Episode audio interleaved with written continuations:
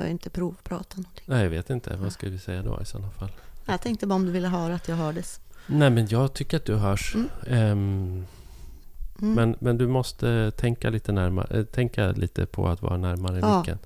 För Okej. att annars så får jag skit av någon Umeå-feminist för att jag har mixat dig lägre. Ja, Okej. Det har ju hänt på riktigt. Ja, ja. Vad, men, ehm, men det här är ju Norrlandspodden. Ja, Mm. med mig, Sofia Miriamsdotter och Bo Tidholm. Mm. Tjena, tjena. Ja. Vi eh, ska prata om lite aktuella frågor. Ja, vi Eh. har, vi har en lista Ja, vi har en Eh. lista. Vi ska prata om elbilar, ja, om bilar. Vi ska Om prata bil- ganska mycket om bilar. bilar och Bens, vägar, bensinpris infrastruktur, och vägar. Ja. Mm. tåg kanske lite. Ja. Ja. ja. Lite aktuella landsbygdsfrågor, äganderätt, strandskydd. Och den här härliga Stockholmshatsdebatten. Som eh, apropå Mats Jonssons bok som inte alls handlar om Stockholm. Nej, inte dugg handlar den om Stockholm Mm. faktiskt. Eller ja, lite, lite handlar den kanske om Stockholm. Så Ja, du men- var i Skellefteå? Ja, ja men ungefär sådana saker.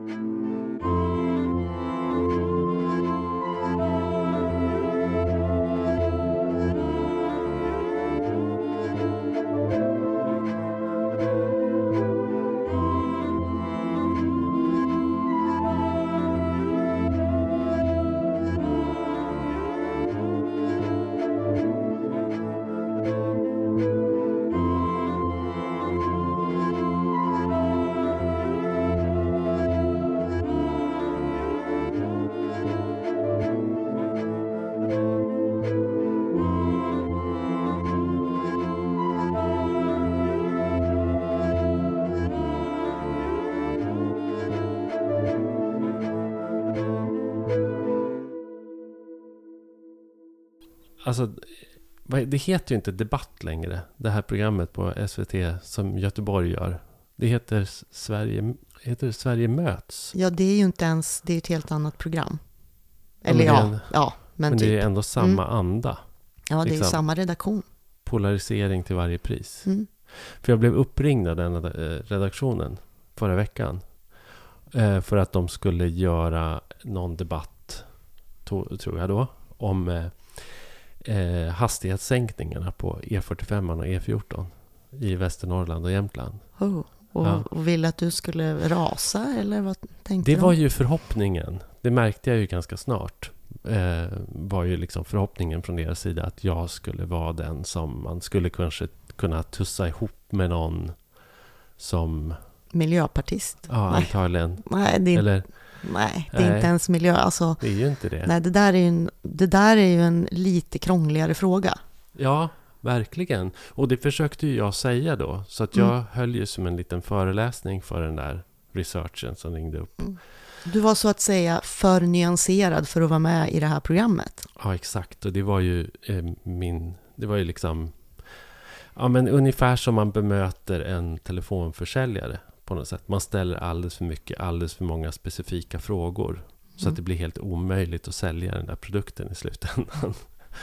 Ja. Men, ja. men eh, om vi ska prata om saken Mm. då. Ja, Eh, sänkta hastigheter som har orsakat Ja. en, en eh, ganska stor upprördhet. För det där är väl en Mm. ganska stor debatt i tidningarna som du jobbar för? Ja, alltså den är ju inte jättestor i Ångermanland. Eh, Men alltså den finns ju där också. Det Mm. gäller ju, vad är det, det är riksväg 45 och det är E14. Eh, Sen är det väl någon mer väg. Ja, någon eh, i- 87. Ja, till. Sollefteå Ja. där. Men jag tror ju att de är, de är väl kanske argast i Jämtland. Men det är ju för att de är jätte- jämtar Ja. kanske. Sen Ja, så fast- har, vet jag ju att i Ånge finns Mm. det ju också en väldigt stor upprördhet. För det, gäller ju E14 då. Ja, och många Ångebor pendlar ju till Sundsvall. Mm. Och det är ju ett gäng mil. Så en hastighetssänkning då från 90 till 80 Mm. är det frågan om. Eh, Ja, det påverkar ju restiden Ja, för de som ska köra vad det är 9-10 mil. fast jag tror ändå, efter att ha liksom en, läst på lite om den där debatten, eh, vilket jag ju gjorde efter det där telefonsamtalet. Jag måste ju erkänna att jag var inte super påläst, eh, men då gjorde jag det. Och jag tolkar ändå som att eh, kränktheten kommer ju ur själva logiken. Alltså det vill säga att Trafikverket egentligen, vilket jag tror att de ändå erkänner, egentligen borde bygga mötesfria vägar med mitträcken. Ja, men eh, absolut. Rusta upp vägarna. Eh, men att vi lägger inte pengar på det utan vi sänker hastigheterna Ja. istället. Och det är ju hela saken. Och den upprördheten, men då handlar, alltså upprördheten handlar ju om varför rustar ni inte upp våra vägar? Och gör det enkelt för er och bara sänker hastigheten. Mm. För, för det, man sänker ju hastigheten av trafiksäkerhetsskäl. För att de här vägarna blir sämre och sämre och ses som farligare. Och därför att de inte håller modern standard. Det har de ju för övrigt gjort här i Hälsingland också. 83an, både, jag menar, båda våra stora vägar, eh, liksom i inlandet i Hälsingland, riksväg 50 och 83an har ju också fått sänkt hastighet till 80. Eh, och det där har det ju också varit debatter om. Liksom. Mm. Och sen Så är ju åtminstone jag som har koll på E14, eh, för att jag bor vid den, det är ju- det är också en väldigt olycksdrabbad väg. Ja, men den är konstig för att den är också så märkligt bred. Så att den skapar en slags osäkerhet tycker jag. Den lockar till farliga omkörningar därför att...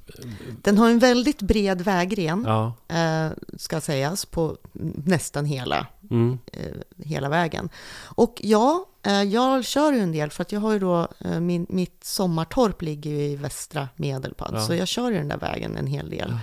Och eh, jag har då aldrig, eller inte på mycket lång tid, varit med om en väg där så många kör så farligt. mm, Där man får väja för att det kommer en mötande omkörning som bara kallt räknar med att man ska lägga sig i vägrenen för Mm. att den ska släppas fram. Ehm, och också omkörningar och det är väldigt få som håller hastigheten ja, på, på de vägarna. mm. In, inte där det är 90 och 100 heller idag. Men det blir ju en konstig debatt, tänker jag, eh, kring sådana här saker. Ju för att... eh, Alltså det är ju den här... eh, Och jag gick in och läste lite trådar och sånt där på någon Facebookgrupp och sånt där. Och det är ju som vanligt är det ju alltid Miljöpartiet då som På skulden. som får skulden för alla sådana här saker. Fastän i det här sammanhanget så är de ju inte inblandade överhuvudtaget. Motparten i det här sammanhanget är ju dels Ja, det är Dels- väl en myndighet Dels är egentligen. det Trafikverket Mm. och de är ju inte styrda av Miljöpartiet vad jag vet överhuvudtaget. Och sen så är det då eh, Thomas Eneroth som ju är den minister som har ansvar för liksom, infrastruktur och transportfrågor och sådana saker. Eh, och han är inte miljöpartist heller vad jag känner till. Så, att, så att det är ju lite märkligt. Men jag tror att det också kommer sig av att Eh, att det blir den här diskussionen då om att bilismen är ond och den ska liksom snöras åt på olika sätt och den ska begränsas.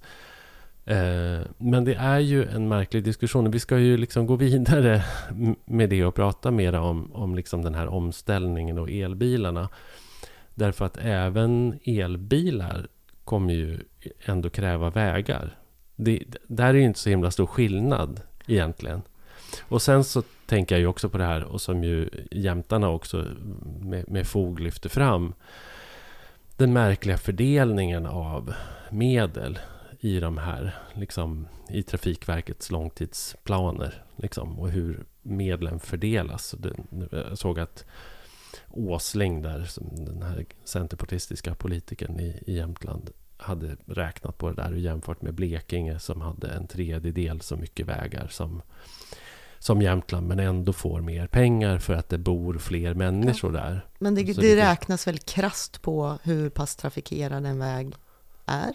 Eller hur många som är beroende av just den vägen? Jag tror att det också räknas lite på invånarantal och sådana saker. Men man skulle ju kunna tänka sig att, eh, att om man slår ut det, och det här har ju Hela Sverige, Hela Sverige ska leva gjorde ju någon rapport om det här häromåret, som jag tror att vi pratade om också.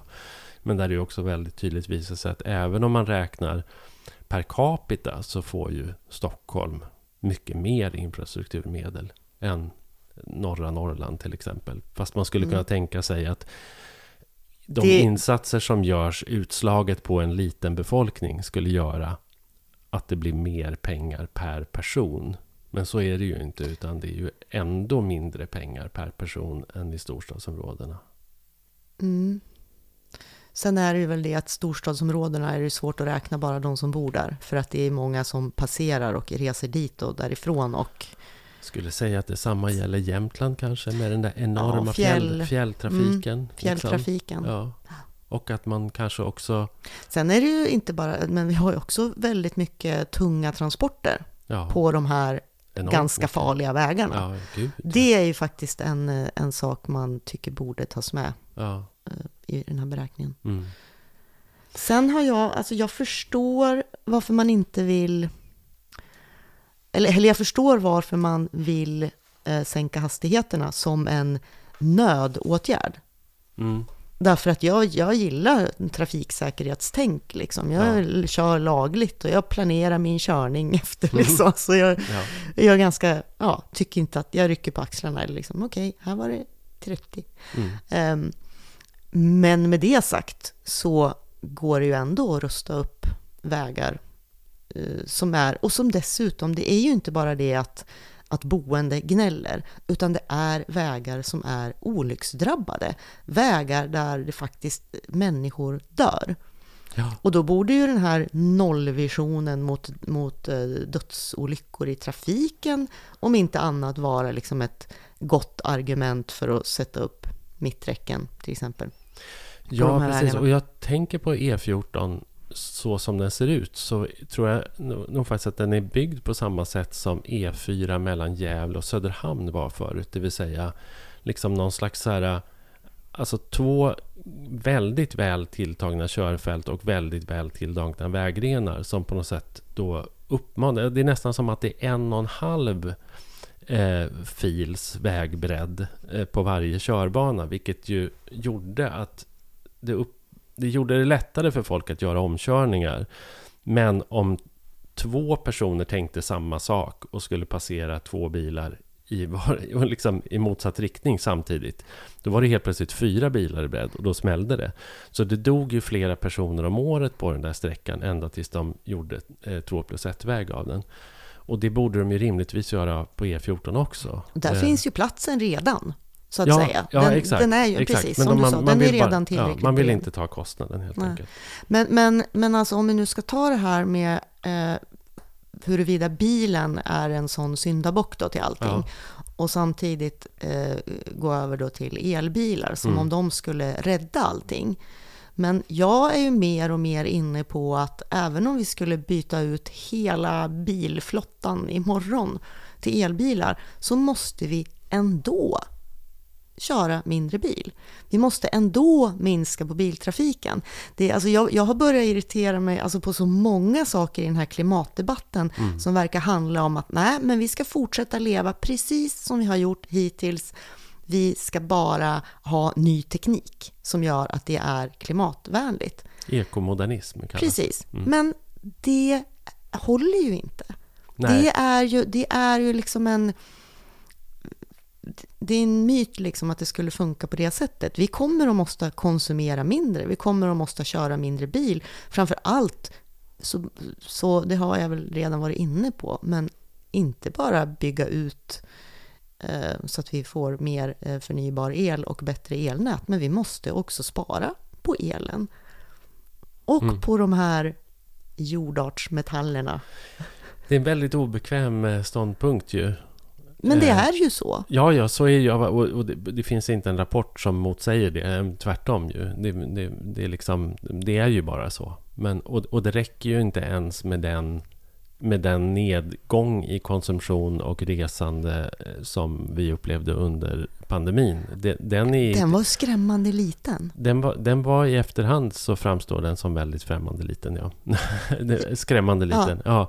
Nej, men det var, och inte ens det räcker. Så att, så att det måste ju liksom till eh, väldigt, väldigt stora ingrepp i konsumtionen. Då. Och, det, och det finns ingen politiker som vill, som vill stå för det ju. Och då blir ju diskussionen väldigt, väldigt märklig ju.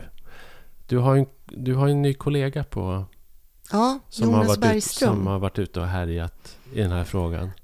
Eh, ja, han, han har ju härjat om, eh, om bi- Han tycker ju på riktigt att människor, även i Norrland, eh, som bor i städer i Norrland, inte behöver bil. Nej. Och det är ju helt riktigt. Men då måste ju de städerna också ställa om. Ju. Då, måste, jag menar, då måste ju de städerna bli cykelvänliga och man måste ju bygga ut kollektivtrafiken. Men jag tycker att det här är en jätte, jag tycker att det här är en jätteknepig fråga att prata om. Därför att man hamn, det är så lätt att man hamnar i fel, i fel läger. Men, men okej, okay, nu, nu kör jag och säger alla de här sakerna i alla fall. Då. Men eh, jag, jag bara tänker jag, att man, man har börjat i helt fel... Man har bara börjat i helt jävla fel ända när det gäller alla de här frågorna. Vilken är den Man änden? har börjat med piskan istället för moroten. Man vill liksom piska bort eh, fossildrivna bilar från, från marknaden och, och från folks Det skulle ju inte Miljöpartiet hålla med om. Men det är ju exakt det de gör och det, de, det tycker jag till och med att de är relativt transparenta med. Att, att, man, att man ska göra det man ska göra det ganska jobbigt och dyrt och obekvämt att äga en gammaldags fossildriven bil. Du ska också få bonus om du köper en ny modern elbil och sådär. Jo, alltså det är det de ja, det är moroten Men då, då är ju då problemet för, jag menar nu, nu har vi ändå den här Norrlandspodden då. Och jag satte mig faktiskt igår och tittade på de här kartorna över laddstationer. Och det är patetiskt. Mm. Alltså det är helt och hållet patetiskt. Då har man liksom, för det första så har man ju gjort dundermissen då från början. Att man har tänkt att marknaden ska lösa det här. eh, och, och, det kan man inte överlämna. Det här kan man inte överlämna på marknaden. Därför att marknaden kommer bygga jättemånga laddstationer i förtätade områden. Och inte några laddstationer utanför förtätade områden. Det bara är så. Liksom, fram till dess att man har passerat en kritisk gräns. Eh, och eh, folk har skaffat elbilar men folk på landet då men folk på landet kommer inte skaffa elbilar förrän det finns en laddinfrastruktur som är, till, som är tillräckligt bra. Så därför så borde man ju i själva verket då ha börjat med att bygga laddstolpar. Bygga mm. laddstolpar mm. och man hade kunnat skapa ett bonus-malus-system som, som där, man, där man helt enkelt gör det svårt för människor att välja bilen när de kan välja cykel och kollektivtrafik eller fötterna istället. Där sätter man in liksom eh, tumskruvarna och sen så klämmer man dem på pengar och så tar man de pengarna och bygger ut ett laddinfrastruktur som, som, ja. som gör det möjligt för andra att göra det här liksom då bytet från fossildriven bil till... till men, men, man, men har finns... inte, man har inte gjort så, man har gjort exakt tvärtom. Verkligen bokstavligt. Och sen, och när man har lämnat över det här på marknaden så har man också lämnat över det till bilindustrin själva. Och vad gör de då? Jo, då bygger de precis som i liksom mobiltelefonins barndom. Då bygger man massa separata olika lösningar. Mm. Olika lösningar som inte är, är liksom kompatibla med varandra. Och där, man, där bilmärkena givetvis, det är väl inget konstigt, försöker låsa in sina kunder i sina eh, infrastrukturer. Ja.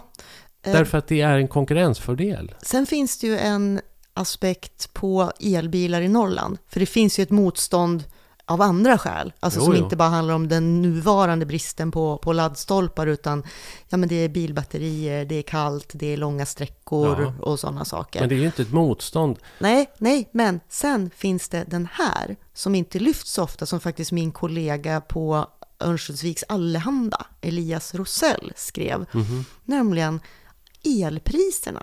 Ja, ja. Alltså att vi har så pass mycket lägre elpriser och större tillgång till el i norra Sverige som borde på något sätt kunna bidra till en viss entusiasm för mm. elbilen. För att det skulle ju bli väldigt mycket, alltså man skulle ju spara väldigt mycket på det jämfört med att tanka bilen, även med lägre bensinpriser än vi har idag. Eh, och därför borde ja, det ja. vara ett framgångskoncept. Och, ja, och det är ju det då som blir, ja, och som blir så störigt utifrån det du säger. Att man inte ser de här grejerna, tar fasta på dem och utifrån det agerar. Men då är det ändå som Jonas Bergström, din kollega, var inne på i en av sina texter också.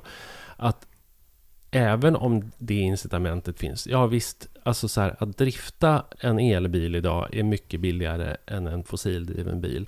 Men om man då bor någonstans i Norrlands inland med den glesa infrastruktur som finns eh, så måste man upp alltså då måste du i princip köpa, och det finns ju ingen begagnat marknad för kvalitativa bilar med lång räckvidd. Så då måste du köpa en ny. Och ska du ha en bil som, som du kan åka över 40 mil med, vilket du faktiskt nästan kräver. Det, det krävs ju liksom om man bor avigt till eller man åker långa sträckor. Då kostar ju en sån bil från 500 000 uppåt. Du får inte en sån, alltså, eller jag ska säga 600 000 uppåt. Sen finns det ju mindre prisvärda eh, liksom elbilar för kanske 250-300 000. Men de är ju inte användbara i den miljön. Nej. Så, att, så att det är ju också, det är också knepigt. Så att, att, att, ställa det kravet på folk tycker jag, det blir liksom... Det blir jäkligt konstigt och det skapar ju politiska spänningar. Mm. Helt i onödan. Det... Och, det, och det är det här som jag inte förstår med Miljöpartiet och Socialdemokraterna och Vänsterpartiet också i viss mån. Att de, att de inte vill undanröja eh, liksom de politiska spänningarna genom att göra rätt reformer. Utan att det alltid, och, och till och med liksom Ygeman gick ut när det här var en, en diskussion, så här, ja vi måste bygga ut laddinfrastrukturen i Norrland, särskilt på sträckorna till fjällorterna. Ja, för stockholmarna. Ja, ja. ja, det kan ju också ha att göra med att de är mer trafikerade eh, generellt. Eh, jo, men det man men... räknar med att omställningen ska börja Omställningen ska börja i de liksom köpstarka miljöerna i Sverige och sen sprida sig utåt. Och då, tänk, och, då, och då vet jag inte om någon har suttit och räknat på det här att om, om kanske 8 till 10 år så kommer det då finnas tillräckligt många begagnade då kommer det finnas tillräckligt många begagnade Skoda Enyaq eh, fyrhjulsdrivna som nu börjar säljas och priset börjar på 630 000. Men, men här, här har jag en annan fråga och den är säkert jättedum. Men jag tänker ju på hur, bat, hur övriga batterier funkar. Batterier tappar ju... Eh, batterier håller där, ju inte hur länge som ja, helst. Fast det där, det, det, är tydligen, det där är tydligen en myt. Okay. Vad jag förstår. Ja, mm. för det har, det har jag Och sen så ska jag faktiskt också säga att, att eh, Tesla ska ju nu tydligen då öppna hela sitt laddnät. Och som är det bästa och snabbaste. Liksom, och mest utbyggda i Sverige. De kommer öppna upp det för andra eh, kunder. Eh, så att man kan Så att det köpa. ska vara kompatibelt med... Och då ska man kunna tanka ner en Tesla-app och sen så har man en adapter och så ska man kunna liksom använda det där nätet då. Och, och de gör ju det, och det kan ju då framstå som att ja men oj vad fina de är och altruistiska liksom sådär och för en bättre miljö. Men jag misstänker att det är, de vill ju bygga ut sitt laddnät jättemycket och de, jag tror att om de bygger ut det så kommer folk ändå vilja ha Tesla. eh, och de kommer... Alltså, de som har Tesla, de som har råd att ha Tesla kommer ja, ju att vilja ha Tesla. Ja, precis. Och, så att även om man kan köpa en annan elbil och tanka i deras stationer så kommer man kanske ändå vilja ha en Tesla, så det gynnar dem. Men jag tror att grundskälet är att de vill ha fler kunder på sina laddstationer därför att det är en lönsam affär för dem att sälja el. Och om de öppnar upp dem och inte har dem låsta till sina kunder exklusivt så får de nog faktiskt tillgång till en massa EU-bidrag som nu kommer att komma ut. Eh, och då kan de växla upp här, den här utbyggnaden ännu mer. Så det är ju ganska smart av dem och det kanske andra bilmärken också borde göra. Ja, eh, generellt så borde man nå, några slå sina kloka ihop och skapa kompabilitet i ladd. Ja, men det är också väldigt intimt kopplat, tänker jag, till liksom till en massa, jag menar, till en massa andra stora samhällsfrågor. Liksom, jag menar när jag säger det här att man börjar i fel ända. Egentligen borde man ju börja i ändan bygga ut kollektivtrafik Bygg den förbannade jävla Norrbotniabanan någon jävla, ursäkta, men någon gång. Ja men liksom. självklart, liksom. och det är väl det, det är, jag menar, det är det som är de största problemen. Alltså inte för en person som bor nu kanske i en liten by flera mil från en stad och där det ändå inte finns en järnvägsstation. Men det är ju det, det, är ju det grundläggande, att det inte finns vettig kollektivtrafik, att det inte finns vettig cykelinfrastruktur ja ens i städerna på många ställen eller mm. i tätorter. Självklart är det det som är problemet och det har vi väl tjatat om otroligt mycket om tågen. Nu har ju för sig då regeringen gått in och sagt att de ska snabba på eh, utbyggnaden av eh, både Norrbotniabanan och dubbelspår på Ostkustbanan och eh, Ja. Ådalsbanan och sådär. Men det, känns, det hänger ändå rätt löst. Mm. Eh, ja.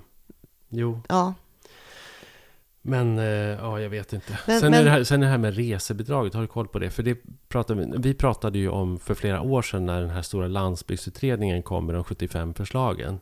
Att- Och, och då var det ju ett av de förslagen var ju att reformera resebidraget därför att det hade, var, det hade legat orört i 20 år och i alla utvärderingar av pratar om avdraget. Ja, Ja. det, ja, så, eh, ja, just det, reseavdraget. Eh, så visar det ju sig att det till 60% användes av bilister i storstad, företrädesvis män, Som som sitter i bilköer i St- Storstockholm på morgnarna. Typ. trots att de Mm. har alternativ att resa på Mm. annat sätt. Och då skulle man göra det avståndsbaserat istället för tidsbaserat. Därför då skulle det slå Mm. bättre. Eh, och det var ju ett, när kom den här landsbygdsutredningen? Var det typ fyra år sedan? eller Ja, det någonting? börjar bli ett tag, så Ja. 2017 kan det Ja. ha varit. Ja, Ja, och alltså det, har, och det ja. har fortfarande inte hänt. Nej, men det Liksom. har ju ändå kommit upp, det har ju börjat talas om det nu igen. Ja, Eh, att för, alltså, därför att det här har ju med bensinpriset att göra då. Eh, eftersom bensinpriset verkligen har slagit alla Mm. former av rekord nu bara Mm. senaste veckan. Eh, och man diskuterar då hur detta inte ska slå så hårt mot eh, folk på just landsbygden och då så har det ju kommit upp, har jag sett i flera debatter, att ah, ja, då får vi se över reseavdragen så att de fast det är personer... redan gjort. Och grejen är att det där, Mm. det där förslaget, de där 75 förslagen som kom ur, eh, var ju faktiskt undertecknade av alla sju riksdagspartier. Så att det, det, borde inte ens, det borde inte ens vara liksom kontroversiellt på något Nej. sätt, utan det är väl, det är väl för 17 bara att ta itu med Mm, det. Fast vad du glömmer då, när du säger det, det är ju att det ändå här var ju före valet 2018. Jo. Och efter det har ju på, på riktigt eh, hela den politiska arenan förändrats så mycket. Så jag upplever att ingenting som gällde före Nej. 2018 gäller längre. Inga överenskommelser, inga sam, alltså ingenting. Det är en helt annan, Mm. måste börja på noll. Ja. Fast just den här grejen tänker jag ändå att, att, Den att borde, ja, det borde inte vara så himla svårt. Nej, liksom. särskilt när man tittar då på så Moderaternas Ja. landsbygdspolitik i budgeten så känner man ju att, eller? Mm, ja. För det svåra med det här, och det, det har ju också många debattörer varit inne på, det är ju att, att de här eh, bränsleskatterna då, fordonsskatter, olika pålagor på bilister, de blir ju i princip regressiva. Eftersom det är en platsskatt så slår den hårdare mot människor som tjänar mindre. Och människor som tjänar mindre kanske är mer bilberoende egentligen än de som tjänar mer och som har andra alternativ och som ju ofta bor då i urbana miljöer. Eh, och sen så finns det ju dessutom på det så finns det ju beräkningar på Alltså målsättningen med de här skatterna är ju att bilisterna ska bära sin egen samhällskostnad och Mm. miljökostnad. Och det gör ju landsbygdsbilisterna i högre utsträckning. Och sen så är det liksom då en högre del av den disponibla inkomsten och så vidare som läggs på, Men, på bil och på skatter och på bränslen. Så, så det, fin, det finns ju liksom en, det finns ju en social orättvisa här och då tycker jag liksom att när man vässar de skatterna, vilket jag ju egentligen, det vill jag ändå understryka, tycker att man ska göra eh, för att liksom driva på en omställning, så slår ju det mot de som kanske har minst råd med det. och det, men det gäller ju så, det mesta i politiken, så att säga. Väldigt många reformer som ska göra det bra på olika sätt för många, eller vissa slår hårt mot dem som Mm. som har det sämst. Men med det sagt vill jag ändå påtala att man har ju redan idag så får man reseavdrag för resor till och från jobbet. Eh, även om man, när man bor på landsbygd. Och har man flera mil till jobbet och kör den sträckan varje dag så får man göra ett ganska rejält avdrag Mm. för det. Alltså vi behöver inte svartmåla det här mer än, än det är. Nej, Eh. okej, okej, men, men en annan sak som de inte får, det är ju då att om, om du inte har råd att köpa en elbil, så har du heller liksom, då får du inte heller del av de ganska stora summor som går från staten till subventioner av inköp av hybridbilar och det elbilar. håller jag med om. Utan de har- mm. subventionerna hamnar ju hos människor som egentligen skulle ha råd att köpa den där bilen i alla fall. Ja, det håller jag helt med om. Jag tycker att det är en helt galen prioritering. Ja. Eh, faktiskt. Att en, en person som har råd att köpa en Tesla behöver ingen eh, bonus eller eh, rabatt på det. Nej, helt, helt enig där. Ja. Ja, nej, det, det är svårt och det är så himla mycket och det är väl som du säger också att det, det är sig inte likt liksom. Eh, Det är en helt annan dy- dynamik i, i politiken och det är så eh, illa att det här politiseras på ett felaktigt sätt liksom. Ja, alltså överhuvudtaget att allt klimat politiseras. Ja. Precis Verkligen. allt klimat. Eh, vilket ju är, alltså jag är orolig på riktigt. Ja. Börjar bli det. Eh, Mm. Inte minst när jag tänker på, eh, nu, nu seglar jag iväg här, men alltså eh, näst, efter nästa val. Mm. Det vill jag inte ens tänka på, vad som kan hända då. Att Nej. bero på då eh, vissa partiers landsbygdsbudgetar och klimatsatsningar och In, inom citationstecken. Kan man väl säga. Jag, jag, ja, jag tittade de, de på... kallar det för det. Eh, vad är det? Mo- Moderaternas klimatsatsning är att eh, sänka bensinskatten. eller? Ja, precis. Jag kan dra här Moderaternas landsbygdspolitik som ju har varit rätt obefintlig tidigare. Men, men de var tvungna att vässa det politikområdet eh, i hopp om att vinna över Centerpartiet. Så de har ju då liksom presenterat nu en landsbygdspolitik där de har lagt sig i vissa frågor då ganska nära Centerpartiet. Eh, för att få med sig dem då på en, en eh, ja, det är väl en, egentligen en M K- KD, SD-regering som Centerpartiet Det skulle handlar väl stödja. också om att få, få kanske tillbaks en del väljare som har gått till SD också. Ja, precis. Men då är det då, eh, det här är deras landsbygdspolitik. Eh, sänkt skatt på fossila drivmedel. Känns inte som att det lirar jättebra med tidsandan, kan man tycka, eller behoven. Eh, stöd till bensinmackar. Eh, slopat strandskydd förstås. Eh, stärkt äganderätt i skogen. Och sen så är det väldigt mycket som handlar om jakt. Eh, och det är ganska märkliga förslag. Eh, för det första så ska ju ripjakten då, eh, den ska ju vara helt, helt fri. Eh, och, och skit i samerna, bara, bara ut och skjut ripa. Eh, och sen så ska det bli mycket lättare att få tag på vapen. Det kan man ju undra egentligen vad Johan Forsell, deras eh, stridbara rättspolitiska talesperson, tycker om det. Men, men vad jag tolkar det som är att de vill ta ifrån eh, licensförfarandet från polisen och lägga det någon annanstans. Kanske, kanske till och med direkt på vapenhandlare. Ja, det här är ju också en, en väldigt viktig fråga för Kristdemokraterna i deras landsbygdspolitik. Som, som jag, om jag ska vara lite raljant, eh, vill, vill sammanfatta med vapen och vägar. Mm. Det är vad de vill satsa på. Eh, bättre vägar. Eh, som sagt, inte sänka hastigheterna utan satsa på bra vägnät även i Norrland. Kanske även laddinfrastruktur. Men och sen vapen. Eh, det, ska, det ska vara lätt för jägare att, att eh, få licens, äga och eh, ha vapen. Med, ins- Men, med det sagt så med säger inspiration de från ju... The i- Heartland. Ja, precis. Och så pratar de om hjärtlandet. Och, och alltså, jag läste ett par debattartiklar om det här då från, från eh, ledande kristdemokrater, där så här ordet hjärtland och hjärtlandet används i eh, var och varannan mening. Det är ett väldigt obekvämt, alltså så här rent ljudmässigt väldigt Ja, obekvämt. det ger inget flyt i, svensk, i svenska språket eh, att, att slänga in det. Plus att det har ju ingen betydelse för någon i Sverige. Nej. Så att det låter som ett skämt. Så att det blir nästan svårt att, att eh, alltså jag var tvungen att läsa texten så många gånger för att fatta vad det stod, för att jag hakade upp mig varje gång det här hjärtlandet Mm. eh, dök upp i texten. Men eh, att bero på då Vapen och Johan Forsell eh, så säger de ju också att eh, kriminella, för dem ska det vara svårt, men för jägare ska det vara lätt. Ja, just det. Ja, Ja. precis. Men det går ju faktiskt att skjuta folk med jaktvapen också.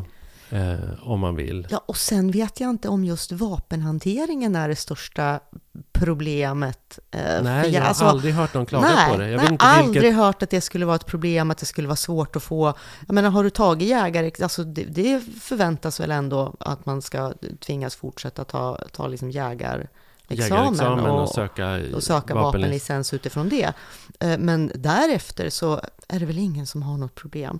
Eller vad menar de? Ska de slippa ha dem i vapenskåp? Eller ska de... Jag vet inte. Jag vet inte. Men det tydligen är det ett jättestort problem. Ja. Att, att det är väldigt svårt att få tag på Men det vapen. känns också som att det tilltalar, som att det tilltalar en viss typ av personer i, i Jag tror att glesbygd. de har suttit och tittat på republikansk landsbygdspolitik helt enkelt. Jag menar, det- för där, är- kopierat det, det ju, rakt Ja, av. det tror jag. Och, och liksom Hjärtland är ju bara en slags appropriering av, av the heartland. Jo, som ju är liksom... Men, men det är ju så himla taffligt att göra så. Ja, ja, visst, absolut. Ska fortsätta då? Ja. Mm. Moderaterna vill också ha fler poliser. Eh, det är väl kanske det minst kontroversiella med deras eh, landsbygdspolitik. För det, det vill ju alla nu för tiden, vill ju ha fler poliser och fler poliser i Norrlands inland och så vidare. Sen vill de ha återbäring på eh, vatten och vindkraft. Ehm, och det tror jag... Det är Till kommun, till vem då? Till, Till- kommunerna? Till, D- Det är lite oklart. Där handlar det om att återföra en del av eh, de statliga fastighetsskatterna på den typen av anläggningar till men kommunerna. det, det är väl bra? Det är väl vi för? Det har vi väl förespråkat ändå? Ja, absolut. Men Moderaterna vill ju inte ha lokala skattebaser utan det ska ju fortfarande vara staten som ska hantera det. Fördelare? Mm. Mm. Och det tycker jag kanske är problematiskt. Jag, jag är nog snarare för då eh, breddade lokala skattebaser. Eh, de vill ha bättre vägunderhåll förstås. Och de vill rädda alla regionala flygplatser. Eh, och det är klart att vissa regionala flygplatser de har ju verkligen ett behov för att det är ambulansflyg och det kan vara väldigt långa avstånd och sådär. Men... Eh, Men behövs det tre flygplatser i Ångermanland? Nej, det tror jag verkligen inte att det gör. Nej. Nej. Nej, Men- och, och men sen, sen behövs- menar jag att, att man måste ju också kunna skilja på en kommersiell flygplats och att ha landningsbanor. Ja, Eh, För, alltså fungerande landningsbanor måste man ju kunna hålla igång utan att ha en, en kommersiell flygplats eh, på de platserna. Om man tänker då på eh, vissa transporter, mm. behöver ju även post, behöver ju Ja. eh, landa någonstans. Och eh, som du säger då, am- ambulansflyg till Mm. Sen vill de bygga Norrbotniabanan. Och är väldigt styva i korken och säger att, att eh, med Moderaterna vid rodret så kommer det ske mycket snabbare än, än med eh, Socialdemokraterna och, och Miljöpartiet. Och den frågan är ju intressant för att man har ju dragit benen efter sig av väldigt, väldigt oklara anledning egentligen. Och man har ju dragit benen efter sig, eh, liksom flera regeringar av olika politisk färg har dragit benen efter sig av lite oklara skäl. Olika, men Mm. oklara skäl. Eh, så det där tycker jag är svårt. Men när jag har pratat med höga företrädare i Trafikverket om de här åtgärderna som behöver göras. Alltså, och bygg, man ska ju också säga att bygger man Norrbotniabanan från Umeå upp till Haparanda, eller Luleå och Haparanda, så behöver man också öka, öka kapaciteten på, eh, på Botniabanan. Ja, Alltså, på resten av den Ja, som redan på, existerar. På den som redan finns, Mm. från Umeå till Stockholm, eller Umeå till Uppsala egentligen. Då Ja, man fram, framförallt är det väl Gävle-Härnösand som är kritisk. Ja, och då behöver man bygga dubbelspår där. Eh, men den här chefen som jag pratade med sa också att ja, även om vi skulle få pengar till det så, eh, så tar det så evinnerlig tid och det, kommer inte, och det finns inte entreprenörer. Det är ju ett problem. Eh, men, men, men det är också det här med, med Norrbotniabanan eh, som ju utifrån vad vi redan har pratat om när det gäller liksom den in, industriella explosionen i Norrbotten och Västerbotten, att man ändå helt plötsligt, det är väl därför Moderaterna plötsligt ser det också, behovet av en eh, Norrbotniabana. Och ja. att det har ju också eh, föranlett att regeringen och Trafikverket också pratar mer om att nu ska det snabbas på, nu ska vi göra det här.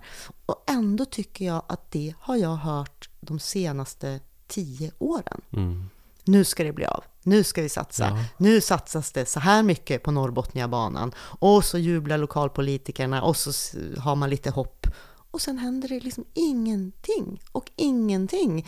Och sen kommer ett utspel till om att nu ska det satsas och så händer det ingenting. Nej, jag vet inte. Jag vet inte riktigt vad det sitter i, men, men eh, jag har ju, jag menar, det är klart att jag har förståelse för att det tar jättelång tid. Det är otroligt komplicerad juridik, det är jättekomplicerade markfrågor. Eh, Väldigt, jo, men de har haft väldigt lång tid på sig att göra alla de utredningar ja. som du snackar om nu. Jo, alltså allt, allt det ja.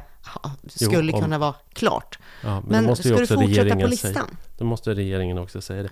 Ja, den sista punkten är väldigt diffus. Och då skriver Moderaterna att man vill stärka den offentliga servicen på landsbygden. Men de specificerar det aldrig överhuvudtaget. Men det behöver man inte göra när man är populist. Och det undrar jag lite grann vad de syftar på faktiskt. Kan du lista ut det? Jag tänker att de i största allmänhet bara vill låta lockande och tänker att nu är ju det i och för sig eh, inte en regeringsfråga. Men säg att du ska ha en husläkare, eller jag vet inte. Nej, alltså jag vet inte. Jag tror det är ett populistiskt påstående bara som jag inte tror har någon djupare grund. Nej. Om jag ska vara ärlig. Jag tror inte att de har tänkt igenom vad de menar med det. De tycker att det låter bra. Mm. Jo. tänker jag. Ja. ja. Jo, Men ska vi, ska vi lite kort ändå dra det här med eller strandskyddet? Ska vi gå över till det? Ja, men det kan vi prata om lite. För jag tänker att det är ju... Alltså, nu när vi pratar om det här så har ju eh, Socialdemokraterna lagt fram sitt budgetförslag. Och det råder en enorm oklarhet kring om och hur det ska gå igenom. Gå igenom.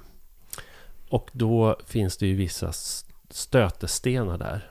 Eh, och Centerpartiet är ju väldigt, väldigt tydliga med att vi kan, eh, acceptera, vi kan möjligtvis acceptera den här helheten som Socialdemokraterna har presenterat. Men då vill de ha förändringar i strandskyddet och de vill ha en stärkt äganderätt till skogen mm. eh, i gengäld. Mm. Skogen känns som att vi ändå har betat av och pratat om väldigt mycket sist det vi finns poddade. faktiskt intressanta saker. Ja, alltså, dels så kan man ju bara konstatera att den frågan lever på ett sätt som den inte har gjort på väldigt länge. Ja, att den, den är uppe i den offentliga debatten på många nivåer. Ja, och mm. det är ju som en perfekt storm nästan. Alltså där, där saker sammanfaller på ett väldigt intressant sätt. Eh, där liksom, jag menar, medierna uppmärksammar det på ett sätt som de inte har gjort på länge. Det har just gått en SVT-serie Eh, om slaget om skogen heter den va? Jag har inte sett den själv faktiskt. Jag, inte jag heller. Nej. Och sen så har DN skrivit väldigt mycket. Lisa Röstlund på DN har skrivit flera, många artiklar. Eh, och sen så eh, har ju EU helt plötsligt då börjat sätta enorm press på Sverige att förändra sitt skogsbruk. Och börja betrakta liksom den svenska mm. skogsresursen som kolsänka snarare än som, som eh, virke och bränsle. Ja, men det har vi ändå varit inne på tror jag. Ja, ja jag precis, tror vi har. Vi. Men, men strandskyddet däremot, som, som ju är den andra punkten. För alltså om, om eh, så här, jag tycker ju eh, att EU har rätt. Alltså jag tycker ju att det, det de nu gör och uttalar sig om skogen, det tycker jag är bra av EU. Det känns som Ja, ja. EU Men det finns, det finns ju en fantastisk ironi i att miljöminister Per Bolund, miljöpartist, åkte på eh, toppmöte med alla Europas miljöministrar för att framföra den svenska linjen att vi inte alls ska ställa om vårt skogsbruk. Trots att det är någonting som Mm. jag... Alltså jag är tämligen övertygad om att 99,99 procent av miljöpartisterna, de som då sympatiserar med det partiet, tycker att EUs förslag är till 100 procent jättetoppen och någonting som man har kämpat för sedan partiet grundades. Det måste göra fruktansvärt ont för Bolund att göra detta. Det är hans eget val att göra det. Ja, men val... Ja, Ja, men det är det. Det är deras eget val att sitta i en regering Ja. som, som, som ger Cementa tillstånd att bryta kalk på Absolut. lösan grund. Ja. Eh, och etc. etc. Men strandskyddet då? Mm. Eh, som ju då... Eh, det finns ju en strandskyddsutredning Mm. som ju finns på förslag att göra lag av. Eh, som ju handlar inte om, att, inte om att fimpa det helt och hållet som Moderaterna verkar vilja, men det handlar om att luckra upp det. Och poängen ska då vara att det ska bli kanske lite svårare i tätbebyggda områden, kanske Stockholms skärgård ska skyddas lite bättre. Mm. Men i glesbygd så ska det bli lättare att få dispens. Och det, eh, det finns ju två anledningar till att man har, eller så här, två huvud, huvudanledningar som strandskyddet handlar om. Det ena är allemansrätten, allmänhetens tillgång till kusten. Eh, Och det andra är naturskydd Mm. av- av olika slag. Och när det gäller allemansrätten så är det ju rimligen så att eh, ska du bygga ett hus eh, i Norrlands inland som råkar ligga i närheten av en eh, bäck eller älv eller skogskärn så kanske det inte påverkar allemansrätten eller någon annans tillgång till, till området på något sätt. Och av den anledningen så ses det här heller inte som ett problem vad jag förstår av länsstyrelserna i norr. För de säger att, att eh, vi ger, alltså de får oftast dispens. Vill man bygga i glesbygd så får man strandskyddsdispens om det inte, och då är undantaget om det inte är så att det är ett naturskydds, alltså det är skyddsvärt eh, att det skulle förstöra eller också detta som vi faktiskt börjar eh, bli ett större och större problem. Eh, i stora delar, i alla fall i, i Mellannorrland, så finns det ju en jättestor rasrisk. Ett problem som kommer att öka med klimatförändringarna. Vi får fler skyfall. Det, och det gör det så svårt att förstå varför skulle någon vilja bygga ett hus vid en älvstrand eh, idag. Eh, så. så att av den anledningen så känns, och dessutom detta, som ju då är, om då Centerpartiet säger att ja, men vi vill förenkla, eh, vi vill förenkla för folk i glesbygd. Men enligt det här nya förslaget så är då tanken att det är upp till kommunerna, varje kommun, att själva utreda och så att säga avgöra vilka områden som ska vara skyddsvärda eller inte. Och de minsta kommunerna i glesbygden, de har inte resurser till det. Nej. Så, det, så, så, så av den anledningen så kommer det att bli, vad jag har förstått det, svårare att få dispens från strandskyddet eh, om, om det här sätts i verket. Och också undrar jag, alltså på riktigt, jag kan inte låta bli att undra, och det här var inte så jättesvårt för mig att ta reda på. Och så undrar jag, är de här politikerna, vet de om det här? Alltså vet de ens om att det är så här? att, jag tror att det är en symbol... Det är en symbolfråga, eh, mycket mera. Eh, Ja, men hur det- kan man vara så? Hur kan man vara så? Alltså på riktigt så tycker jag att det är korkat att driva en symbolfråga om man vet att hmm, det kommer att få motsatt verkan. Du får det svart på vitt. In, Alltså det här gäller ju jättemånga politiska beslut. Alltså, Ja, jo, jo. Så här. Men jag blir lika konfunderad varje gång.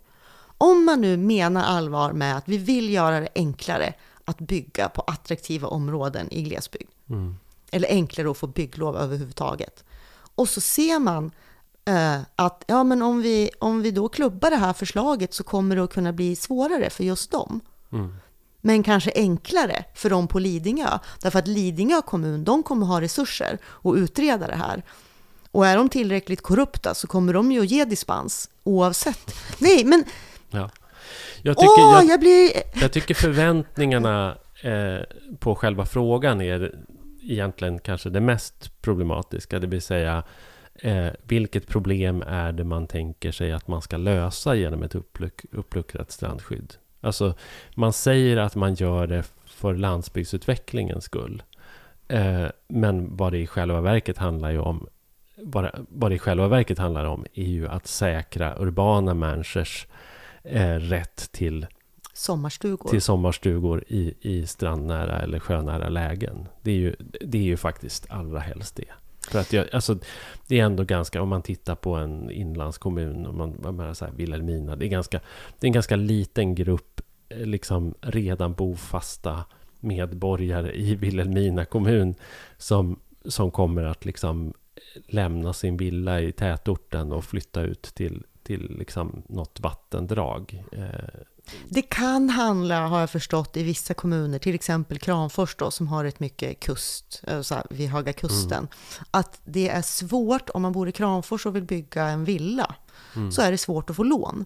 För att Kramfors anses inte attraktivt. Men om du då bygger villan på ett mer attraktivt område mm. som havsnära eller vid kusten jo, jo. så får du så, lånet. Ja, så att visst, så och det finns, det finns liksom sådana argument. Absolut. Men det är ju vad jag förstår då har eh, inte ett stort problem idag heller. Nej, jag tror inte det. Och, och det, finns ju, det finns ju avigsidor med sådana saker också. Alltså en gentrifieringsproblematik och så vidare. Och jag kommer ihåg att när jag var, en gång när jag var i Minnesota så var jag i något mindre samhälle. Som, och så åkte jag igenom där med en amerikan. Och så bara herregud, vad har hänt här? Det, här, det ser helt fruktansvärt ut. Det var liksom tomma butiksfastigheter. Det var liksom tomma hus. Och det, var, alltså det, var, och det, var, det, alltså, det, såg, det såg sopigt ut. Man såg att det hade varit rikt, men nu såg det inte bra ut längre. Och jag drog ju då förstås slutsatsen att här, eh, här går, den här, det här countyt går det väldigt dåligt för. Men det var faktiskt inte så, utan det var tvärtom. Alltså de, eh, det, där var det motsatsen. Tillräckligt många hade blivit tillräckligt förmögna för att sälja sina hus eller lämna sina hus vind för våg i tätorten och, och istället bygga stora villor vid vattendrag som de hade flyttat ut till. Så det hade ju i princip blivit ett slags urban sprawl. Eh, eller en decentraliserad, väldigt, väldigt decentraliserad tätort. Komplicerad då, eh, liksom för vatten och avlopp och liksom skötsel och infrastruktur. Eh, på grund av det där. Och sen så hade det då blivit en övergiven eh, liksom tätort istället. Då. Jag, tyckte att det var, jag tyckte det var intressant faktiskt. Eh, att, mm. att, det, att det kunde ha den effekten. Nu tror inte jag att det kommer ha den effekten i norrländska orter för att jag tror ändå inte riktigt kanske att man kommer ha råd att bygga de här fina husen vid vattendragen och lämna sina villor. Det finns liksom inte riktigt samma underlag där. Tror jag. Men, men ja, det, det, är ju sådana fall om man tänker sig att det kommer en flyttvåg, alltså att det flyttar, eh, flyttar människor till ja, eh, de här platserna. Ja, precis. Men då, då kommer ingen heller tycka att det är särskilt önskvärt att alla sprider ut sig eh, och bosätter sig vid olika vattendrag som kan översvämmas. Så, eh, jag skulle bara slänga in en sak där ändå om skogen. För att ett av, ett av argumenten eh, för Centerpartiet att driva äganderättsfrågorna så hårt nu. Eh, och det är ju inte bara de som gör det utan det är ju skogsägarföreningar och det är LRF och det är de här vanliga. Det är ju att det ligger ett förslag i skogsutredningen om att man ska skydda fjällskog, ett 100 mil långt eh, fjällskogsområde eh, in vid norska gränsen. Som ju, var, jag tror att det går hela vägen från Härjedalen upp till, Lapp, till Lappland. Eh, och, och, där ska då den här striden om äganderätten stå. Det tycker jag är väldigt spännande, att man väljer att man väljer just det området som stridsområde för äganderätten. Därför att när man tittar på historiken så handlar det här alltså om gamla lappskatteland som samer betalade skatt för under väldigt lång tid. Som de sen under en period på 1700-talet när vi märkligt nog hade en väldigt bra urfolkspolitik i Sverige eh, också fick äganderätten till, den formella äganderätten överfördes då till de samer som hade betalat eh, skatt på den här marken. Men som staten sen, när man började ana vilka rikedomar som fanns i Norrland, snodde åt sig och gjorde om till kronoparker. För att sen ytterligare kanske hundra år senare dela ut till nybyggare i den här avvittringsprocessen som vi har pratat om. Då får man gå tillbaka till liksom några av de första eh, avsnitten av Norrlandspodden. Ehm, och som de här nybyggarna sen väldigt kort därpå blev blåsta på av stora skogsbolag som kom och köpte upp dem där för glaspärlor och lite brännvin. Och som de sen har suttit och hållit på.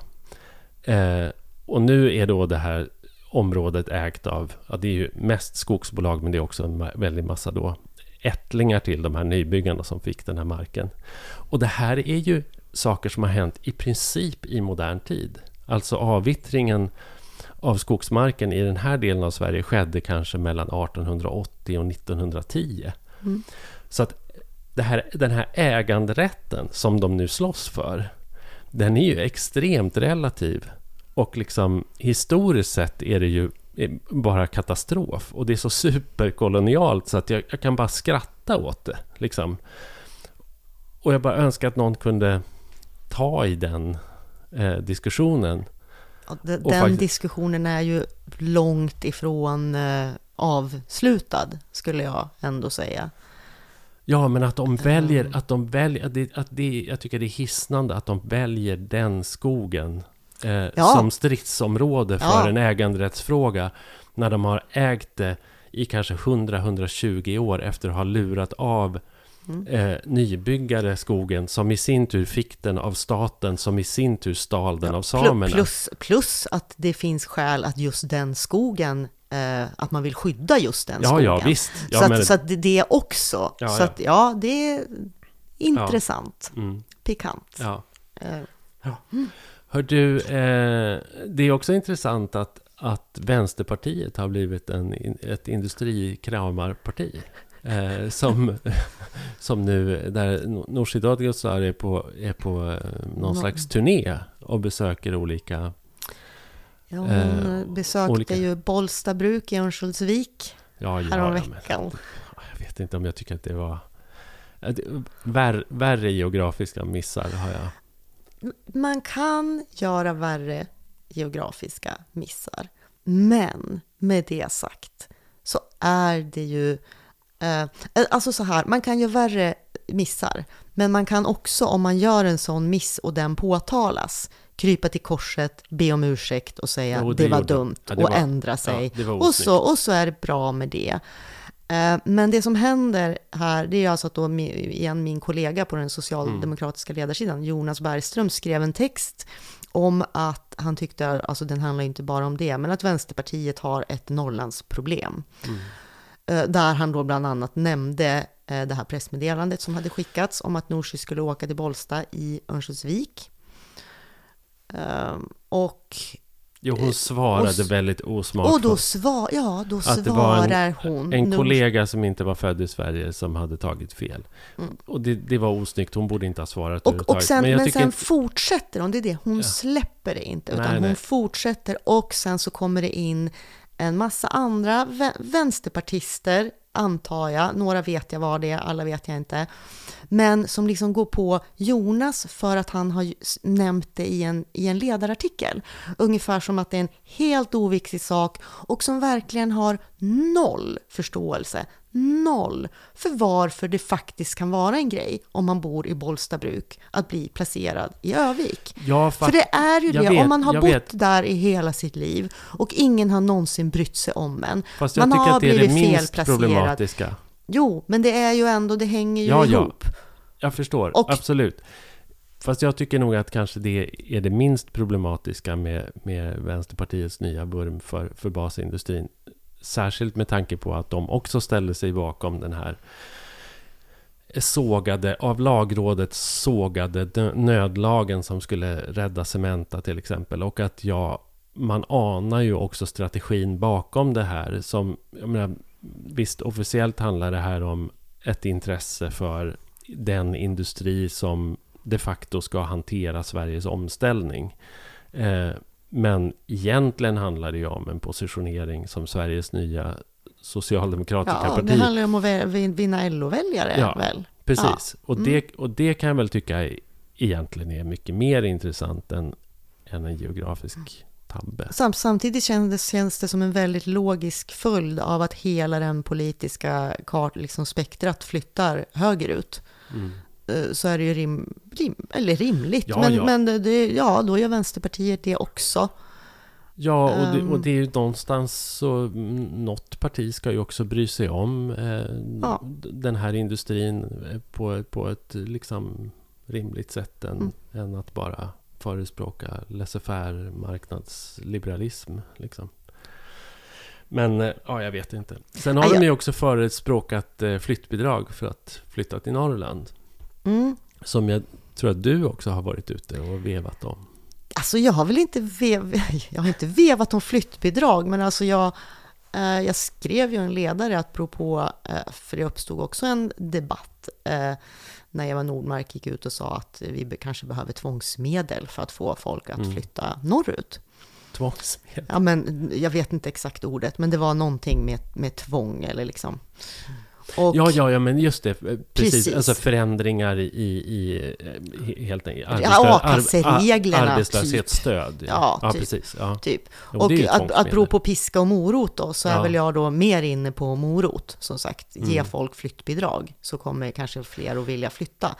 Eh, Sen så är jag också väldigt osäker på om de här långtidsarbetslösa personerna i alla lägen är kompatibla med de jobb som eftersöks i den, också. här, i den här industrigrejen. Skulle... Men, men det jag reagerade på, det var det här att, att helt plötsligt så börjar stockholmarna skrika högt om att de kan inte tvinga folk att flytta. Ja, ja. Och jag bara, Mm. ja, hallå, Norr, norrlänningarna, de har liksom Tvingats flytta. tvingats flytta i 50, 60, ja, Mm. hur Ja. länge det nu kan vara. det. Det, det, men att det, det blir liksom en grej när det drabbar människor Mm. i södra Sverige. Men jag skulle vilja ge Vänsterpartiet ett tips då i deras intresse för de här eh, industrierna som är då liksom eh, omställningskritiska industrier kan man väl kalla dem då. Intressera er i sådana fall för samhällsbyggena kring de här industrierna och de här verksamheterna som växer fram. Se till att liksom eh, lägga förslag som breddar lokalsamhällets skattebas, som fördelar inkomsterna som genereras från de här verksamheterna på ett sätt så att man kan bygga långsiktiga, attraktiva, bra boendemiljöer som människor vill uppehålla sig i för att arbeta med de här sakerna på de här orterna. Det ska finnas kultur och det ska finnas bibliotek och det ska finnas skolor och idrottsplatser och det ska finnas alla möjliga saker på de här platserna som inte finns idag och som inte kommer skapas av sig själva och som inte kommer skapas av marknadskrafterna. Där tycker jag att det, där, där, där tycker jag att det är ett öppet mål. Eh, och det är ju mycket mer relevant liksom. Mm, fast Skellefteå har väl byggt kulturhus? Ja, jo, precis. Jo, jag var ju in där. Ja, jag var ju där här, häromdagen bara. Det var jättekul. Det är inte så arkitektoniskt imponerande kanske, men det är ju häftigt att man har byggt en skyskrapa i trä. Liksom. Ja, det är väl ett av världens största trähus. Ja, och till och med hisschakten är gjorda av, av trä. Och så liksom. heter det ju Sara. Ja, och det är ju fint. Jag vet inte riktigt om Sara skulle tycka att det var toppen. Sen finns det ju besvärande omständigheter kring det där kulturhuset och upplägget kring det. Eh, Jag har ju hört kritik mot att det, man har krympt ja, olika ganska- verksamheter ganska- och dragit, dragit ner på ku- kulturaktiviteter för Ja, att de ska få plats radikalt. i det här huset. Ja, Är det så? Jo, Mm. och det är ju för att man i bygget av det har prioriterat egentligen att bygga en kongresshall.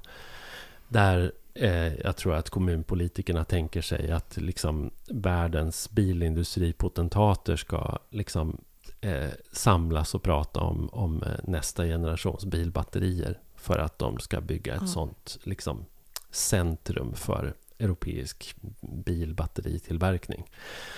Det tror jag är själva, liksom, det tror jag är själva huvudsaken och sen så blir kulturen blir någonting, ja, en, en instrumentell verksamhet som man liksom laddar upp det där huset med så att det blir, så att det blir kul, liksom, eller spännande eller, Ja. eller möjligt att göra. Sen har man ju löst ägandet på ett väldigt tidstypiskt sätt, där det här samhällsbyggnadsbolaget, där, den här entreprenörssocialdemokraten Ilja Bataljan eh, har gått in med sitt bolag, Samhällsbyggnadsbolaget, och köpt Kulturhuset eh, av Skellefteå kommun eh, för att sen i sin tur då hyra ut det under väldigt lång tid. Och det är lite som att ta ett konsumtionslån, liksom, för, för kommunen. Mm. Och där de också faktiskt i den affären avhänder sig kontrollen över byggnaden eh, till då ett kulturhusbolag eh, som ju då eh, ställde till det genom att till exempel kräva att de på väldigt kort varsel skulle få tillgång till eh, liksom de här ytorna i huset som är ämnade för kultur. Okej. Eh, så att det är inte, det är liksom... Nej, nej men, Men- alltså det, det mesta, jag har ju inte varit där och inte läst på så mycket, men jag har hört en del i radio, i P1 och så. Mm, Och jag har nog mest hört just det här, liksom, debatten kring Ja. det och eh, Ja. ja, kritik och Men med det sagt är det ju. Ja, det är ju häftigt att det, att, att det händer någonting ändå. Liksom. Det, får man väl, det får man väl vara glad för. Men det, men det kan ju kanske ske på ett, ett lite smartare sätt. Sådär. Mm. Eh, Kulturhuset togs ju också upp i den här eh, krönikan som Peter Wolodarski skrev eh, apropå att DN nu ska sats- Etablera sig i etablera sig- Norrland. Ja, precis. Mm. Som ett exempel på att det händer någonting. Eh, jag vet inte om du minns hela den där för historien. Det började ju med... Eh, det var ju... Det skrevs ju spaltmeter om den här TV-eken. Ja, Eh, ja. Och det sammanföljer med de här striderna om... G- skogen vid Gall- Jokkmokk, Gall- Gallok. ja. Mm. Där, där ett brittiskt bolag, bolag vill anlägga en, en järnmalmsgruva. Vilket då DN inte skrev om. Sen måste jag ju faktiskt ändå flika in att jag skrev om det på Kulturen. Men det Ja. var ju liksom en annan sak. Men var det du som skrev det också, eller var det någon annan? Att bero på att alla i Sverige känner till Slussen, Guldbron vid Slussen. Men jättefå vet om att hela Kiruna håller på att flytta. Nej, det var väl eh, det var ju det här SVT-programmet eh, Edit. Som Det gjordes- har jag ju inte sett, så gjorde, det var inte men där det var- jag det var- såg det. Men ja, jag läste ja, det, men det jag- var någon som tog upp det i varje Ja, fall. Mm, Ja, mm, precis. Men Jag hade, kunnat plocka den. mm. Men det är väl också en, en grej som, frukten. som men- DN är lite skyldig till sådär. eh, Om man ska Ja. räkna hur, hur många artiklar som har skrivits om Slussen och Guldbron. Jo, det är klart. Men det roliga var ju då att när det där pågick så gjorde medierna ett inslag. Medierna i P1, det- det mediegranskande programmet. Och där de intervjuade Wolodarski om det här. Och då så sa han att Nej, men vi har haft, haft så fullt upp med Syrien. Varpå reporten väldigt kvickt sa så. Så, jaha, så du räknar in Norrlands, Norrland i utrikesbevakningen? och då blev han ju svaret skyldig. Men nu pudlar han då och ska eh, sätt, ja, de har ju utlyst eh, eh, journalisttjänster då för, för... Och de har inte heller specificerat vart de ska vara, utan det beror lite på vilka sökanden de får Ja, och det. vart dessa personer då bor eller vill bo Ja. eller verka och så. Men- Vilket ju kan vara smart Jo, kanske. Och men- de får väl vara lite ambulerande då. Ja, och men Umeå och Luleå åtminstone. Och, Men de får och, funka som korrar helt ja, enkelt. och i Men- grund och botten så är det här såklart bra. Även om jag inte kan låta bli och, och liksom också tänka på återigen en bok som vi har också pratat om här i podden, eh, Framtidslandet av Sverker Sjölin. Som ju beskriver, som, ju, som eh, hans doktorsavhandling från 80-talet, där han beskriver eh, debatten kring Norrland eh, och naturresurserna eh, under industrialiseringen. Alltså slutet av 1800-talet, början av 1900-talet. Och som ju också eh, gjorde att kulturskapare, författare, konstnärer eh, fick upp ögonen för norra Sverige och började åka upp. Och Mm. För att eh, de följde ju pengarna. Liksom. Ja, och- det- och det är precis det som händer nu. Ja, Det här skulle ju inte, DN skulle ju inte bestämma sig för att etablera sig nej, i Norrbotten om det inte vore för de här nya industrierna eller batterifabriker och kol, Nej, kolfritt precis. stål och sådana satsningar. Så är det ju. Så att när Norrland är ekonomiskt intressant så blir det, då blir landsandan också journalistiskt intressant. Eh, Men när Norrland inte då, jag menar Norrland har ju egentligen alltid varit ekonom, mycket mer ekonomiskt intressant än vad man har velat låtsas om. Mm.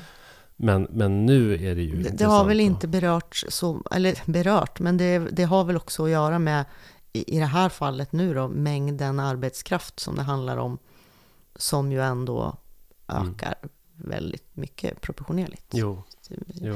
Men ja, men vi är väl överens om det, att, att vi, vi kanske tycker att det all, Norrland alltid är intressant. Ja, precis. Det, ja, det har vi ju verkligen. Mm. Det har vi ju verkligen Mm. Och, och, och då kommer vi in på eh, liksom det, det angränsande ämnet, det vill säga den här outhärdliga Stockholmsdebatten.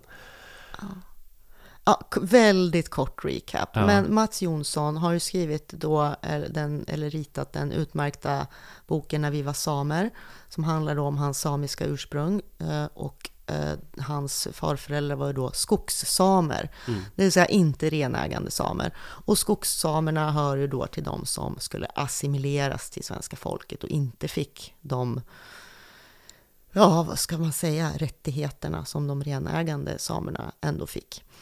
Eh, Och detta är då en skam för många. Och hur som helst så har han skrivit en bok om det här. Framförallt en skam för landet Sverige. Ja, men det, alltså det var en skam för personerna. Ja. Och först på senare år så har man börjat steppa fram och liksom Mm. erkänna det samiska ursprunget och kunna vara stolt över det och så. Det här, nu Och- kan vi ju tipsa om faktiskt de här två avsnitten som vi gjorde för vad ett och ett halvt år sedan. Samespecial. Samespecialen som vi gjorde, dels om Girjasdomen och om Vapstendomen, som ju handlar väldigt Mm. mycket om det här också. Och sen har vi gjort ett om samen, alltså histor, samisk historia, Mm. eller samernas Ja. historia. Eh, Och med det sagt då så är det en utmärkt bok och den handlar om detta. Men i någon intervju om den här boken var det väl, Mm. som han råkade i förbifarten säga att han blev eh, på så dåligt humör av att bo i Stockholm. Mm. Och sen har både recensioner och liksom övrig debatt kring den här boken handlat om huruvida han hatar Stockholm Mm. och om detta Stockholmshat. Och är stockholmare otrevliga? Blir man på dåligt humör av att bo i Stockholm? Och nästan ingen, Nej, ingen har tagit upp bokens innehåll. nej. Därför att folk bara bryr åh de pratar om Stockholm, då är Mm. det det liksom. Mm. Som, Ja. som blir intressant. Och det är ju så deppigt. Vad ska vi säga? Lyckades. Han skrev ju sen en lång, lång, lång eh, extra serie för arbetet. Mm. Den- man, den var jätterolig. Ja, har ni inte In- sett in den så sök den. upp den. Ja, den ligger fantastiskt. inte ens bakom en betalvägg. Den är liksom bara in och läsa. Den är ju jätte, Mm, jätterolig. Han gjorde den för att sätta punkt. Har han lyckats med det, tror du? Jag tror det lite grann faktiskt, att de flesta kanske blev lite avskräckta ändå från att fortsätta den där eh, debatten. Men sen Jag- började jag- den ju också leva sitt eget liv. Mm. Så sen började ju folk också skriva artiklar om Stockholmshat utan att ens referera till, till den här boken, även om det var så det Och började. jag måste väl ändå hålla med, jag minns inte nu vem det var som skrev det, men det var någon som skrev att ja men kolla på de här krönikörerna som, som, eh, som då säger att de hatar Stockholm. Det var ju Björn Wiman och det var Kristoffer Ahlqvist och det var Mats Jonsson som började och det var andra som hakade på och sådär. Att det som har hänt är ju att ni har blivit medelålders. Eh, och- Stockholm är inte för er och längre. Stockholm är inte för er längre. Och jag tycker ju någonstans att det ligger någonting i det. Och jag tänkte på det, min, min dotter har just flyttat till Stockholm och tycker ju förstås att det är jättekul. Och staden ligger öppen för henne och hon är liksom i rätt ålder. Och, och tycker att det är jättekul med det urbana livet och att det händer saker. Och, och så. Och det är ju på något sätt så det, det, är ju så det ska vara. Liksom. Eh, men sen kan man flytta därifrån och det kan näst, och det kan jag tycka lite så här att om man... Och Mats Jonsson gjorde ju också det. Eh, han flyttade ju hem till Ångermanland och blev mindre folkilsk. Eh, Mm. och, och det kan fler göra. Det är liksom inte så farligt. Det är, ett, det är ju ett val man kan göra i livet. Liksom. Särskilt... Ja, du har ju också gjort Ja, jag också det gjort valet. det. Ja, precis. Och jag kan ju tänka nu att jag var ju också ganska folkilsk när jag flyttade. och mindre folkilsk nu. Liksom. Mm. Så att, och sär, särskilt de som har råd att, som kanske då sitter i en villa i, i Enskede eller en bostadsrätt på Kungsholmen eller så. Det går ju att växla upp det livet till någonting annat med distansarbete och, och så och få ganska mycket pengar över till och med. Så att jag menar, det, det här är ju verkligen en grupp som kan ta det steget. Det är liksom inte, inte synd om dem. Men jag reflekterade också faktiskt över att när jag gav ut Norrland och med den här podden och det som vi har gjort tillsammans och sådär så har det faktiskt inte... Vi har ju inte råkat ut för det här eh, med att stockholmare på något sätt har kapat vår sakfråga. Nej, jag skulle säga tvärtom. Vi har väl rätt mycket stockholmare som faktiskt eh, lyssnar och gillar och bara bekräftar. Men vi har inte heller uttryckt särskilt mycket Stockholms... Är, Nej, men vi hatar ju inte Stockholm. Vi har ju inte, det har vi inte gjort. Vi, vi kan ju, vi kan ju, alltså det, det vi pratar om i sådana fall är ju att det finns en viss eh, ignorans och nonchalans från stockholmare gentemot Norrland. Vilket jag ändå tror bara är att folk blir... Ja, så är det väl. Alltså Mm. det är så svårt att säga emot det. Mm. Det är ju Ja. mycket lättare att protestera om man skriver om liksom att stockholmare är otrevliga, för det är ju inte det vi säger. Men jag tycker... Men det är, och det är också sorgligt att Mats Jonssons sakfråga har gått förlorad i det här. Därför att det är ett så otroligt rikt innehåll och ett sånt fantastiskt arbete bakom hans bok. Och jag tycker även de här självbiografiska delarna av boken som ju... Där han återigen då krokar i liksom sin egen, sitt eget ursprung och sin egen kamp för att liksom... Där han har alltid tvivlat på om han har någon plats i offentligheten och kan jag berätta historier och med min bakgrund. Och, och hur han har försökt assimilera sig till Stockholm och, och nu när han har flyttat tillbaka med vilken rätt han kan liksom föra landsbygdens talan och nu särskilt specifikt liksom hur, med vilken rätt han kan föra på något sätt samernas talan eller skogssamernas talan. Eh, och sen så händer det här. Och det, och det blir... och på sätt och vis så är ju gensvaret på hans bok, det vill säga den här otroligt tråkiga Stockholmsdebatten, är ju helt... Svaret på den frågan. Den är helt Mm. kongen- kongenial med, med det han beskriver. Mm. Eh, och som ju är en slags kolonial Ja. problematik. Ja, hela den situationen som har uppstått illustrerar ju det han försöker berätta om. Eller liksom Ja. det, han, det han brottas med. Det, Ja. det gör det. Nej, det, det är jävligt Det- sorgligt. Men läs boken för, Ja, för all del, verkligen. För den är, den är jättefin och det är så himla mycket så himla mycket innehåll i den. Liksom. Det tar ju lång tid. Jag, det har tagit mig veckor att ta mig igenom den där. Ja. Men ska vi runda av lite kanske? Eh, vi har det är väl dags för det. Det där var ju så att säga ett kulturtips. Men har vi ett par kulturtips Ja, men till absolut. kanske? Du hade något, va? Ja, men jag har ett. Ja. Eh, det finns en liten, liten eh, tv-serie som finns på YouTube som heter Avdelning 44. Med våran gamla gemensamma kompis, Ja. Dan- Daniel Westin. Precis. Mm. Och den, jag tror det är fyra avsnitt, första säsongen. Och den, eh, lite kort alltså, den kom till eh, därför att eh, egentligen var det, en, de skulle göra en pjäs. En Mm. kille som heter Daniel Voxlin, som hade skrivit en pjäs och framfört den tillsammans med bland andra då Daniel Westin. Och den eh, blev väldigt liksom hyllad och uppskattad av de som såg den. De hade inte så många föreställningar. Så de gjorde en till och så kom coronan. Mm. Och istället då för det här urtråkiga eh, spela pjäs, lägga upp digitalt eller ha en konsert, lägga upp digitalt, Mm. så gjorde han om det till ett film eller tv-seriemanus. Och de, det har blivit ganska bra uppmärksammat för att vara en liten serie på YouTube med liksom en kvarts långa avsnitt Mm. ungefär. Eh, och nu så finns, eh, inte alla då, men eh, säsong två är på väg ut. Eh, jag tror första avsnittet finns att titta på på något som heter void.tv. Mhm. Okej. Där det är som en betaltjänst, ja. liksom, för de Mm. behöver lite cash också. Ja. Eh, Men sen så kommer det på YouTube den 22 oktober då. Okej. Säsong två, det är fem avsnitt där de även har lite gästspelare med. Mm. Vad ska man beskriva? Visst är det som... Det, det är nästan som ett svenskt The Office på något sätt ju. Ja, För det utspelar sig på ett kommunkontor. precis. Det, det är liksom, formen är att det ska vara som en dokumentär. Man gör Mm. en dokumentär på Sundsvalls kommun. Ja. Men man kommer dit när det är sommar, så det finns ju människorna man egentligen ska göra dokumentär om är inte där. Så då handlar man på avdelning 44 och det är där de här liksom personerna sitter som han har omplacerat för att de inte fungerar någon annans. Mm.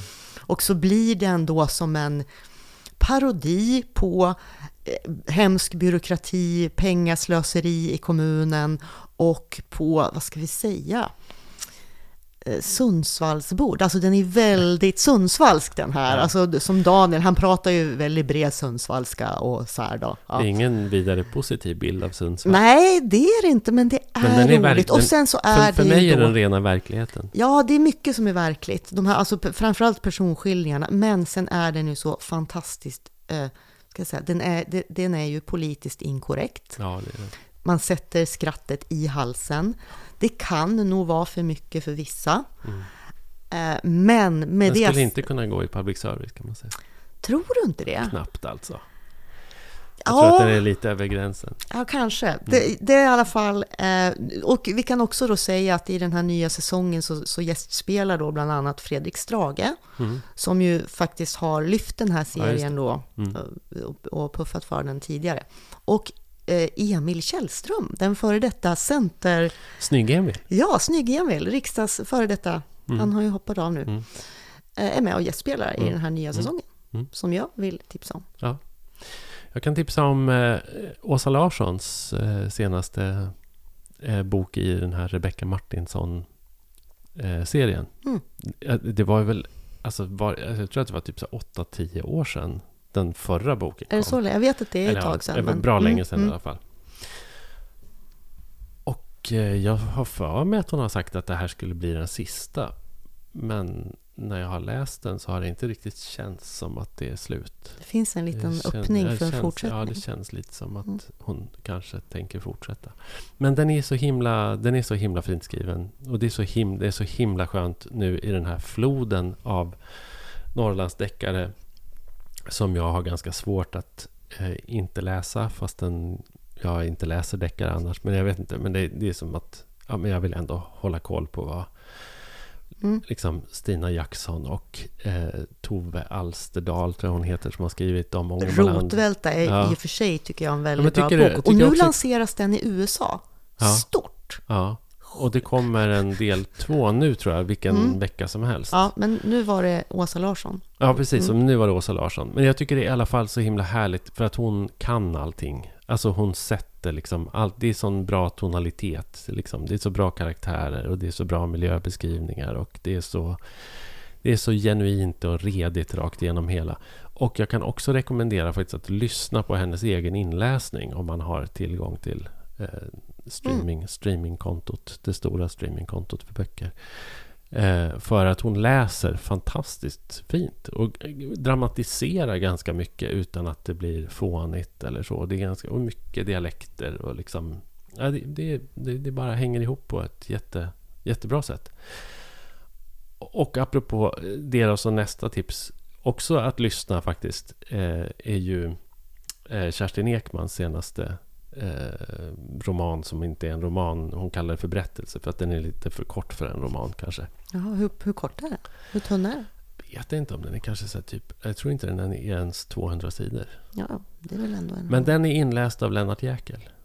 ja. Eh, som ju har jättefin röst och som är väldigt, väldigt nedtonad. Han låter inte alls som i Jägarna eller, eller så, utan det är väldigt, en väldigt nedtonad inläsning som är superfin, verkligen. Och det är en så himla bra historia. Alltså den är, och apropå det vi pratade om tidigare, liksom med skogsindustrin och, och liksom den förändrade synen kanske på, på naturen som resurs och sådär. Så är ju den här boken är ju som en, en gestaltning av hela den problematiken. Den handlar ju då om en pensionerad eh, jägmästare som har jobbat på Skogsstyrelsen i princip hela sitt liv. Hängiven jägare som eh, möter en varg eh, och förändras så i det där vargmötet så att han börjar ompröva alla sanningar som han har burit på hela sitt liv. Eh, och det är en väldigt fin skildring tycker jag av, av liksom av, ett, av hur ett sånt nästan utopiskt omprövande skulle kunna gå till. Jag tror inte det är särskilt många som, som omprövar sina ställningstaganden. Men, men om man tänker sig att någon skulle göra det så skulle det gå till på det sättet. Sen är det en väldigt fin skildring av ålderdom och sjukdom och, och eh, en fin relation mellan en äldre man och en äldre kvinna. Och så. Ja, det är ju Kerstin Ekman. Ja, Jag förväntar mig inte så mycket mindre av henne. Nej, men alltså, nej, nej, precis. hon har ju väldigt hög... Ja, nej, men det är också jätte, jättebra tycker jag. Jag hade en kompis som klagade på att hon hade skildrat eh, sporten curling på ett konstigt sätt. Äh, Att hon inte hade tillräckliga kunskaper om curling. okej. Men, hon är eh, förlåten för det känner jag. Den utspelar sig i Hälsingland också. Mm. Och, och där skulle jag möjligtvis kunna ha någon invändning. För att hon beskriver klimatet i Hälsingland på ett sätt som kanske inte riktigt stämmer. Det, att, att det liksom är så här, vintrarna är väldigt, väldigt karga och, och, och hårda och, och kyliga. Och, och det känns som att det var många decennier sedan de var det. Mm. Men annars, kalas. Bra. Ska vi sluta där då? Vi gör det. Tack. Tack ska du ha.